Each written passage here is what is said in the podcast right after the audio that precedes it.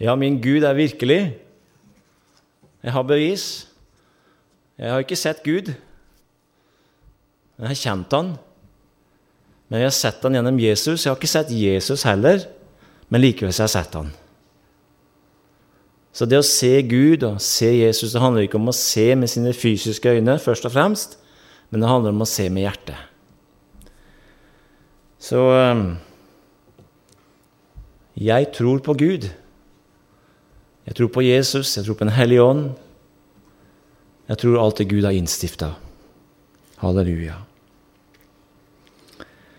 Og så fikk vi høre her innledningsvis av Wenche om, ehm, om, Maria som, ehm, som fikk englebesøk. Og, og vi har begynt på advent her, og vi nærmer oss eh, den tida.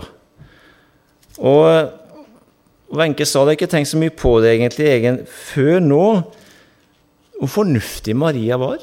Hun var jo bare ei ung jente. Hun var ikke 14-15-16-17 år, kanskje. Men så fornuftig hun var, så ydmyk hun var. Og de svara hun ga, engelen Ser jeg er Herrens tjenerinne. Hun snakka som om hun skulle vært ei gammel dame som har levd lenge har god erfaring på livet. Men hun talte og sa visdomsfulle ord. og var ydmyk innenfor den oppgava som ikke hun helt skjønte rekkevidden av, men hun valgte å tro på det.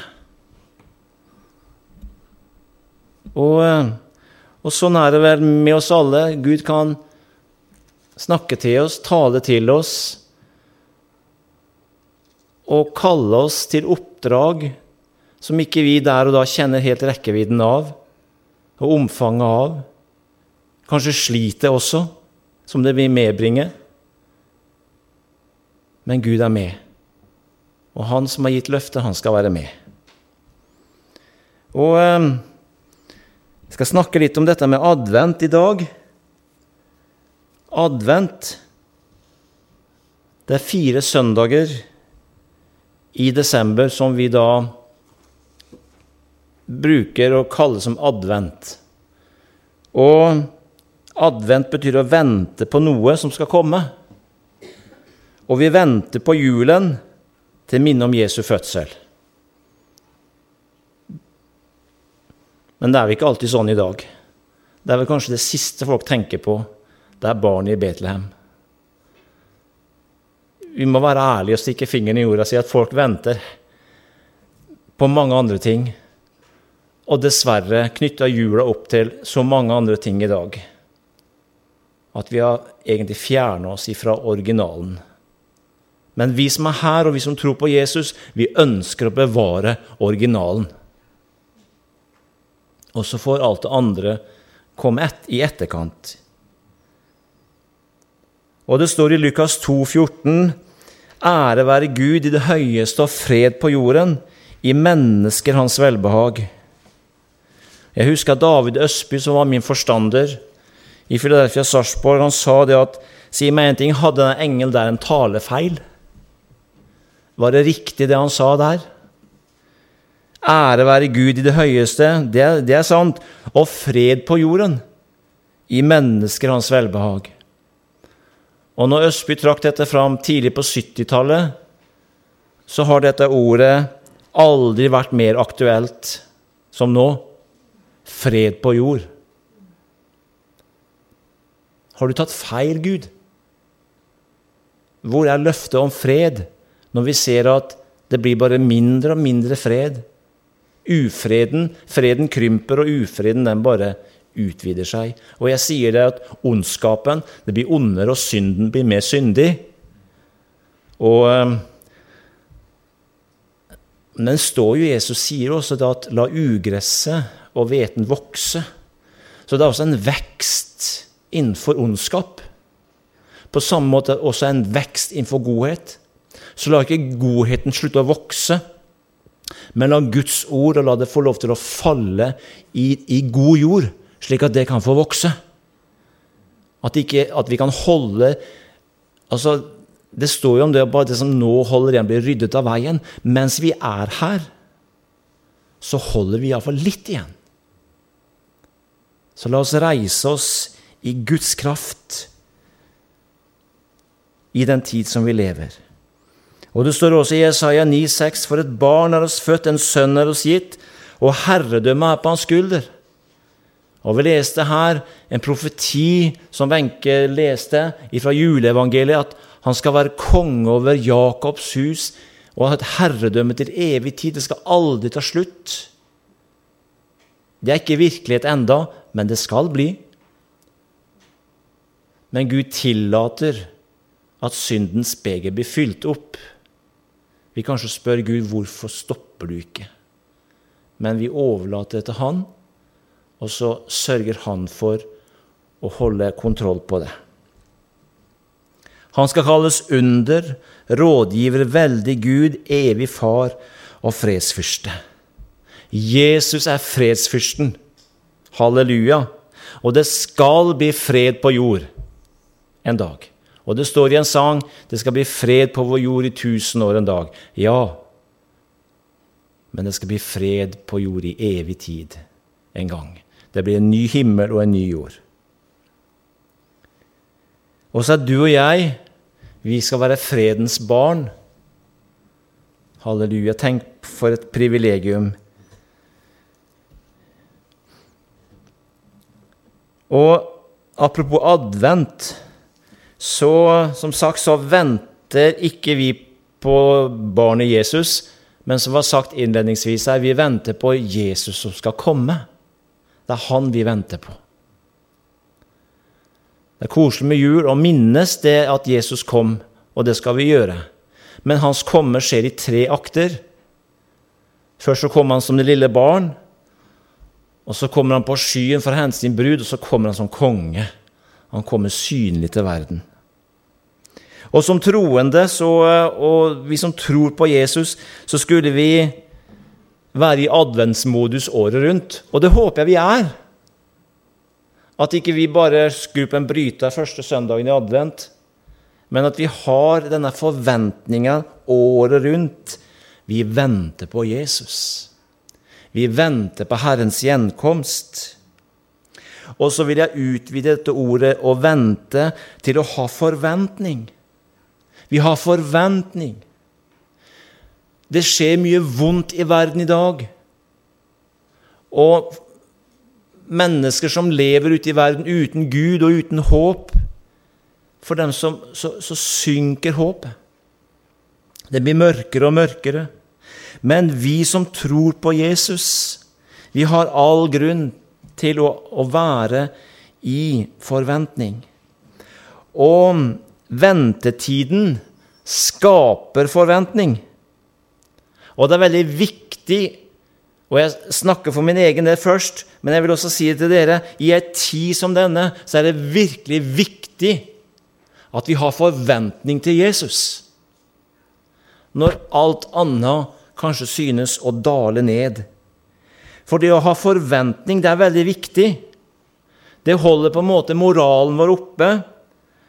Å ha forventning, det gjør at vi kan holde ut.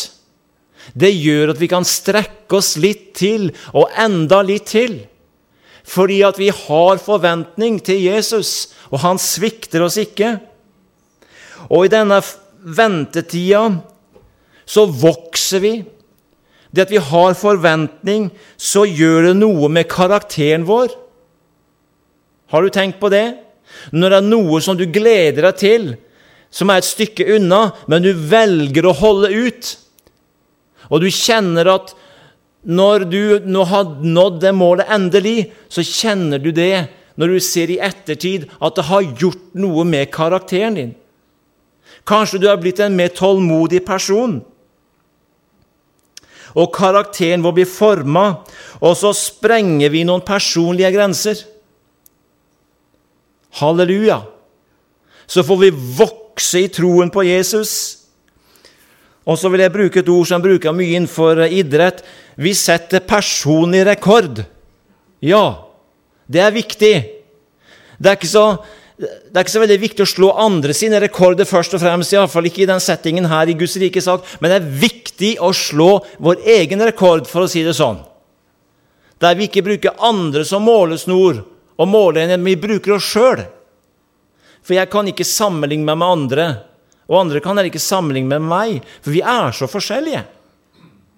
Vi er så vidt forskjellige, og Gud har skapt oss forskjellig, og sånn skal det være. Men du og jeg, vi skal få sette og slå personlig rekord. Halleluja.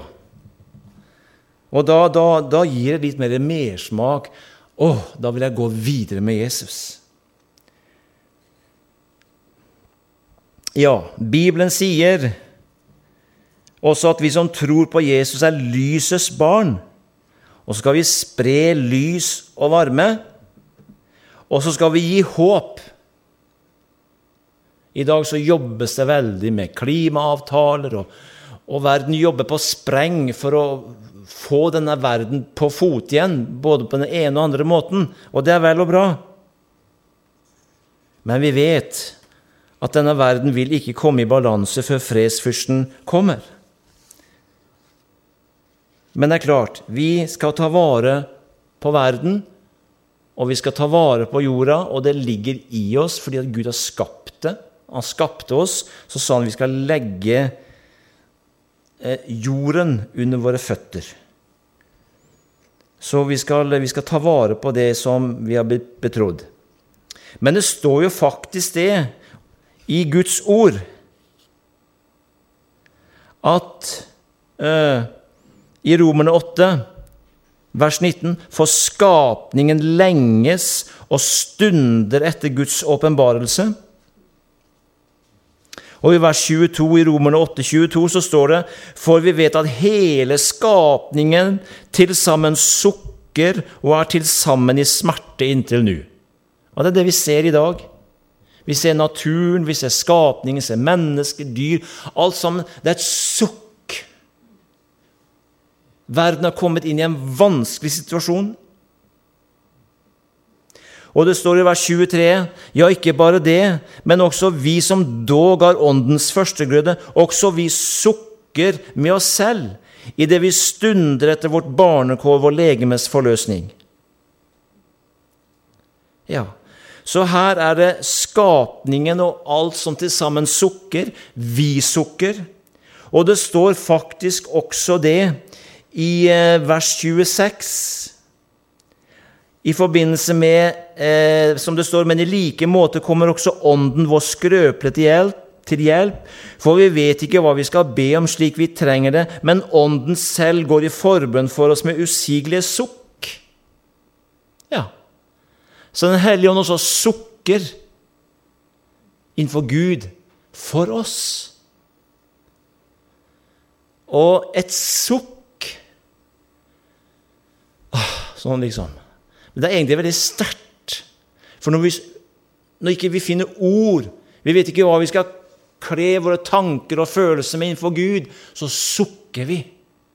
Men Gud ser det, og han ser at det kommer ifra hjertet. Er ikke det fantastisk? Gud ser på det som et rop når vi ikke finner ord. Vi kan få sukke innenfor Herren. Jeg skal bare, bare enkelt og greit gå gjennom dette her med å vente. Bare ta en liten tur innom det temaet. Vi skal vente på Jesus. Og eh, når Jesus kom Første gangen så kom han som et lite barn, som vi skal feire nå. Og det står at det var mennesker på den tid som venta. De venta på Jesus. De venta på Messias. Og I Lukas 2, 25 så står det at det var en mann i Jerusalem ved navn Simon. Og denne mannen var rettferdig og gudfryktig og ventet på Israels trøst. Og Den hellige ånd var over ham. Jeg tror at Simon han var langt over gjennomsnittet av fariseerne og de skriftlærde den tid. Han var virkelig en gudfryktig mann. Som ikke bare var det loviske, men han tjente Gud med hjertet sitt. Det var ikke bare ritualer. Men det var også ei kvinne der i vers 26. Det var en profetinne, står det. Anna Fanuels datter av Asers stamme. Og hun var kommet langt ut i årene og hadde levd med sin mann i syv år etter sin jomfrustand, og nå for seg selv som enke inntil en alder av 84 år. Tenk på det 84 år. Det var en høy alder det på den tid. Hun vek aldri fra tempelet, men tjente Gud med faste og bønn natt og dag. Tenk på det. Hadde jeg kunnet gjort det? Nei. Det måtte ha blitt gitt meg ovenifra, men i meg sjøl nei. Så ærlig skal jeg være. Men hun tjente Gud med faste og bønn natt og dag.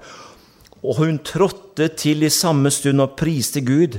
Og hun talte om ham til alle som ventet på forløsning for Jerusalem. Så hun var profetisk. Hun var liksom den siste rest av profetene. Så kom døperen Johannes og var den siste før Jesus kom. Så den venta på barnet i Betlehem. Det var Jesu første komme. Og så venter vi i dag Jesu andre komme. Den andre akten. Vi venter ikke på ham som barn i Betlehem, men vi venter på ham som brudgom. I åpenbaringsboka 3.11.: Jeg kommer snart, hold fast på det du har, for at ingen skal ta din krone. Og når Jesus sa det for 2000 år siden Han sa det til Johannes at han kommer snart. Så har det gått 2000 år siden, bortimot det, siden han sa det. Og var hans komme nær den gang? For disiplene de regna med at han, Paulus regnet med at Jesus kom den tid, for de levde så nær Herren. Men var Jesus kommet nær den gang, så er det enda nærmere nå. Og det står også i Tessalonikerne 4, fra vers 14 For så sant vi tror at Jesus døde og sto opp, så skal òg Gud ved Jesus føre de hensovne sammen med ham. For dette sier vi dere med et ord av Herren, at vi som lever, som blir tilbake inntil Herren kommer, skal ingenlunde komme i forveien for de hensovne. For Herren selv skal komme ned fra himmelen med et bydende rop, med overengels røst og med Guds basun, og de døde i Kristus skal først oppstå. Og deretter skal vi som lever, som blir tilbake, sammen med dem rykkes i skyer opp i luften for å møte Herren, og så skal vi alltid være med Herren. Trøst da hverandre med disse ord. Jeg tror det er veldig viktig. Jeg kjenner at det er blitt lagt på hjertet mitt. Vi må få ut det budskapet. Jesus kommer snart. Jesus kommer snart igjen. Og vi ser hvordan det tilspisser seg i verden. Vi ser på hendelser, og vi ser at Guds ord det går i oppfyllelse like for våre øyne. Og snart så henter han sin blodkjøpte brud. Og det står at vi skal rykkes opp i skyer. Akkurat på samme måte som Jesus. Det står at en sky kom og tok ham bort. På samme måte skal han hente sin blodkjøpte brud. Skal vi rykkes opp i skyen sammen med de som er døde i Kristus, og vi, sammen skal vi løftes opp for å møte Herren, og skal vi alltid være med Herren. Halleluja. Jeg tror dette her kan skjerpe oss, og det gjør det, når vi lar det gå inn over oss at Jesus kommer snart, og at vi vil leve nær til ham. Og så tror jeg også det at det kan føre til at mennesket blir frelst, og vi blir frimodige. Hvorfor skal ikke vi være frimodige når andre er så frimodige med sitt budskap?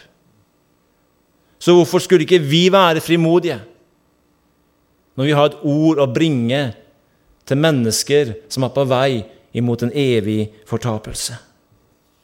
så må Herren hjelpe oss. Og så vet vi at eh, på samme måte som vi forbereder oss til jul Vi gjør visse forberedelser. Og så er det kanskje tradisjoner vi Jeg vet ikke hvor mye folk gjør det i dag, men eh, det finnes jo kanskje en del som tørker kjøtt kanskje sjøl, som gjør på gamlemåten, og som gjerne gjør ting på gamlemåten. for det hører liksom med i tradisjonene. Og så baker vi litt, det må vi jo gjøre. Og så lager vi oss en del arbeid frivillig. For det er litt koselig også. Og så kan vi sette oss ned når jula kommer, og nyte av det som vi har strevd litt for. Og sånn tror jeg også det er i vårt forhold til Jesus. Det handler om, som jeg sa, at karakteren vår den blir slipt, den blir forma, når vi virkelig setter av tid sammen med Jesus. Og det er en forberedelsestid. Vi vet at eh, en brud og brudgom de forbereder seg. Og eh, Jesus han sa i min fars hus er det mange rom. Var det ikke så, da hadde jeg sagt dere det, for jeg går bort for å berede dere sted. Så Jesus han har forberedt festsalen i 2000 år. Det blir fantastisk. Halleluja.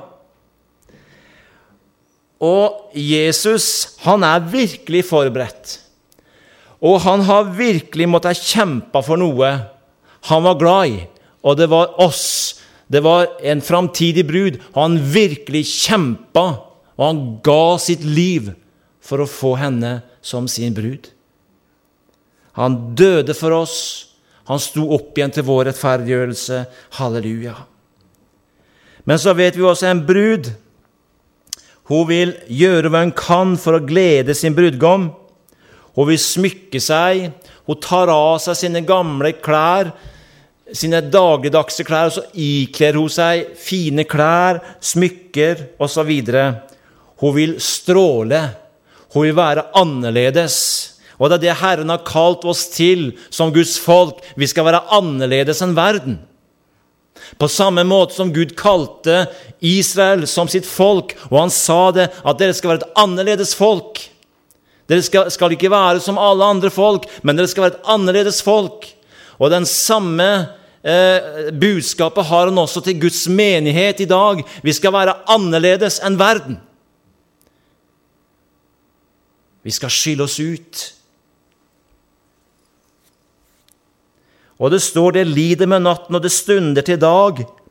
La oss avlegge mørkets gjerninger, men ikle oss lysets våpen. Og så skal vi ikle oss det nye mennesket, som er skapt etter Gud i sannhetens rettferdighet ved hellighet. Og her er smykkene som vi skal forkle oss med. Ikle dere da som Guds utvalgte hellige og elskede inderlige barmhjertighet, godhet, ydmykhet, saktmodighet, langmodighet så dere tåler hverandre og tilgir hverandre om noen har klagemål mot noen som Kristus har tilgitt dere, således og dere. Men over alt dette ikle dere kjærligheten som er fullkommenhetens sambånd. Ja, kjenner Guds ord det, det ransaker hjertet mitt. Ja, det ransaker mitt hjerte. Så her har også jeg en vei å gå. Men det er ikke sikkert du har det. Da er du heldig. Men jeg har en vei å gå her. Det er å avkle seg sitt eget. Og det står også som en del av utsmykningen, men åndens frukt er kjærlighet, glede, fred, langmodighet, mildhet, godhet, trofasthet, saktmodighet og avholdenhet. Halleluja. Men det er ikke noe vi skal få til sjøl. Det er noe, det er åndens frukt. Den hellige ånd i oss. som du fortviler over deg sjøl, det kan vi gjøre, så fortvil ikke overlate Herren. Og Gud har nåde og omsorg for oss. Og det skjer ikke over natta, men det er en vekst. Disse tingene her er noe vi skal vokse inn i. Et tre bærer ikke frukt sånn. Det vokser, det får næring. Og når vi gir oss sjøl næring med Guds ord, så vil det vokse fram i oss. Så dette handler om at vi forbereder oss for Jesu andre komme, og vi er og har forventning til at han skal komme. Halleluja. Og så er det tredje avsnittet her, det er at Jesus kommer som Messias. Da kommer han. Da har det skjedd mye her på jord. For bruden blir rykka bort. Og da er det som holder igjen, det er blitt borte. Og da er det på en måte bare fri flyt. Og da er det mye som skjer her på jord, også med israelsfolket. Og nå skal ikke jeg utlegge så mye om det, det er andre som har mer innsikt i det enn det jeg har, men de skal iallfall rope etter å være kringsatt. Ifra alle kanter så skal de rope. For da hjelper det ikke å rope på andre nasjoner, på USA eller på andre allierte. Men da, da er ingenting som hjelper. Da skal de rope oppad, da skal de rope på Gud. Og han skal komme. Og da kommer Messias. Det står i Apostlenes gjerning 1,6.: Da de nå var kommet sammen, spurte de ham, Herre, gjenreiser du på den tid riket for Israel? Han sa til dem, Det tilkommer ikke dere å vite tider eller timer som min far har fastsatt av sin egen makt, men dere skal få kraft idet Den hellige ånd kommer over dere, og dere skal være mine vitner både i Jerusalem og i hele Judea og Samaria og like til jordens ende. Og da han hadde sagt dette, for han opp mens de så på, og en sky tok han bort for deres øyne. Det måtte være en merkelig opplevelse. Det kom en sky og senka seg over han, så var han vekk. Og mens de stirret opp mot himmelen idet han for bort, se, da sto to menn hos dem i hvite klær. Her har vi englene igjen. Kom til Maria, nå kom de til disse disiplene her, og de sa, Dere galileiske menn, hvorfor står dere og ser opp mot himmelen? Denne Jesus som er opptatt fra dere til himmelen, skal komme igjen, på samme måte som dere så ham fare opp til himmelen. Og det står i åpenbaringsboka 1.7, i tråd med det som denne engelen sa, Se, han kommer med skyene, og hvert øye skal se ham, også de som har gjennomstunget ham, og alle jordens slekter skal gråtes, skal gråte sårt over ham. Ja, amen. På samme måte denne Jesus er opptatt, dere, opptatt, fra dere til himmelen, skal komme igjen på samme måte som dere så han fare opp. Han for opp med en sky, og han kommer tilbake med skyene. Og hele verden skal se det. Hele verden skal se det. Og jeg syns eh, Katrin Kuhlmann beskriver det veldig bra det er jo Noen som også sier at eh, det er klart det vil bli videreført på TV, men Katrin Kullmann ser en sky på himmelen, eller noe som kommer nærmere og nærmere jorda. Og jorda den sirkulerer jo rundt. Natt og dag på jord. Så hele verden ser det, og det kommer nærmere og nærmere. Og så kommer Jesus. Så en dag så kommer denne verdens rettmessige eier, innehaveren av jorda. Halleluja så kommer han til Israel. Han kommer synlig. Og eh, vi kan ikke beskrive hva som da vil skje, men vi er jo blitt rykka opp, og vi bivåner det hele fra et himmelsk synspunkt, fra et himmelsk ståsted. Det var disse tre i korte trekk. Jesus som det lille barn, han kommer som brudgom, og han kommer som konge og Messias. Da må alle stoppe opp. Da stopper hele verden. Så var det riktig allikevel. Det blir bare en konklusjon. Det er ingen som kan si noen ting eller motsi det som skjer. Jeg vil ikke stoppe der. Men bare avslutningsvis nå, men så vil jeg bare si at mens vi venter, vi er ikke der enda, så gir han oss oppdrag.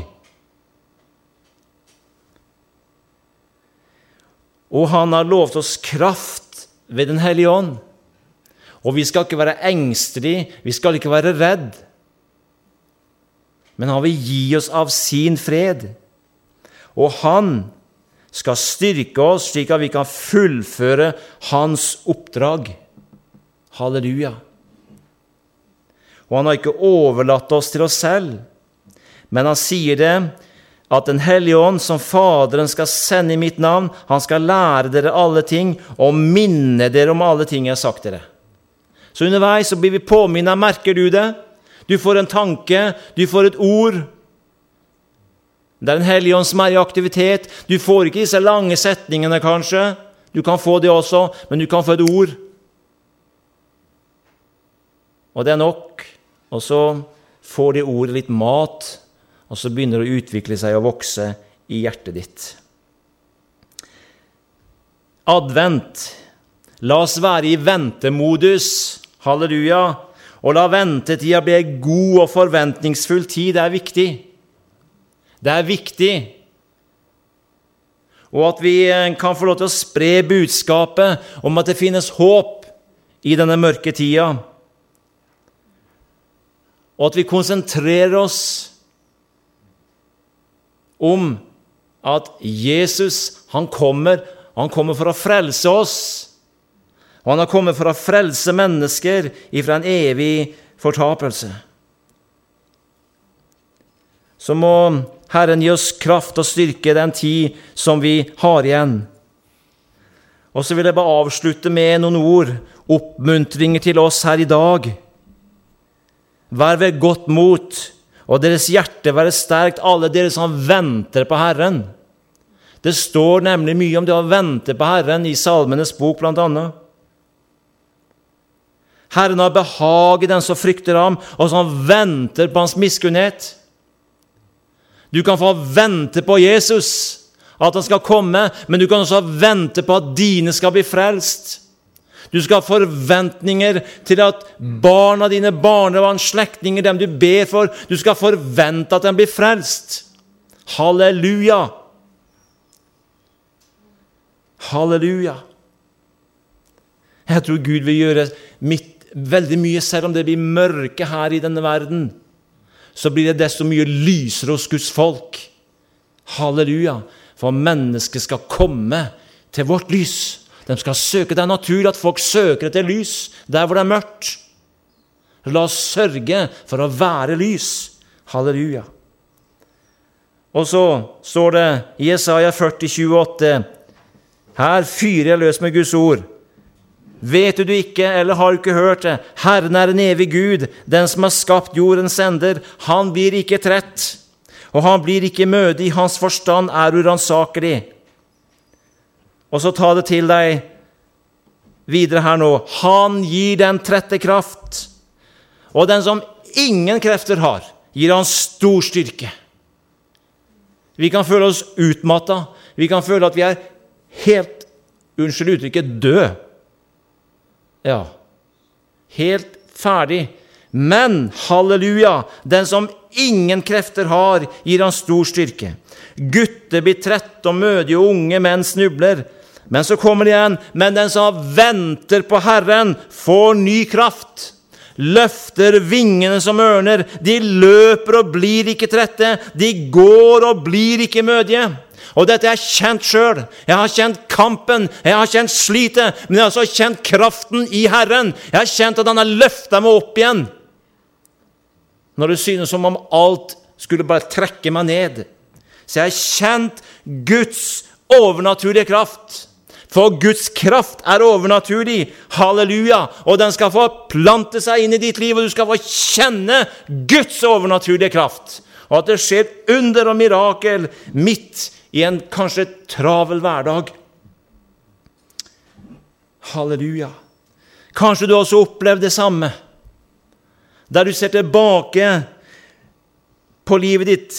Kanskje det har vært tider i ditt liv der du har hatt prøvelser, vanskeligheter og motgang. Og så har du ikke helt forstått når du har stått på hvorfor skal alt dette skje, nå klarer jeg ikke mer. Men så kommer du gjennom det, og så kan du si 'Jeg er oppe fremdeles'. Jeg er fremdeles oppegående. Og så ser du det, at du ser Guds omsorg. Du ser Guds mirakelgjørende overnaturlige kraft har vært til stede. Du ser det i ettertid og du har sett Guds overnaturlige inngripen i ditt liv og hans omsorg direkte inn i situasjonen. Det er ikke alltid vi ser det når det står på. Men når vi får ting på avstand, så ser vi hele bildet. Det er som du skal studere kunstverk. Du må litt på avstand for å få liksom helheten i det. Når du står tett innpå, så er det ikke så godt. Sånn er det også med på en måte, hva si, livets bilde, situasjonen som har skjedd. Du får litt på avstand, så ser du et bilde. Du ser at Gud har vært der. Og så vil jeg bare stille spørsmålet hva er det den som får, som venter på Herren? Hva sto det der? Jo, han får ny kraft. Så du skal få vente på Herren med det løftet at Gud kommer til deg med ny kraft. Og videre, hva er det de gjør? Eller hva kan de gjøre som får ny kraft? Jo, de løfter vingene som ørner. Halleluja! De løper, og de blir ikke trette. De kan gå og blir ikke utmatta. Er ikke det overnaturlig? Er ikke det fantastisk? Så jeg vil si det sånn at Herren, han gir oss styrke og kraft til å orke litt til. Og litt til. Og du er villig til å strekke deg enda litt til.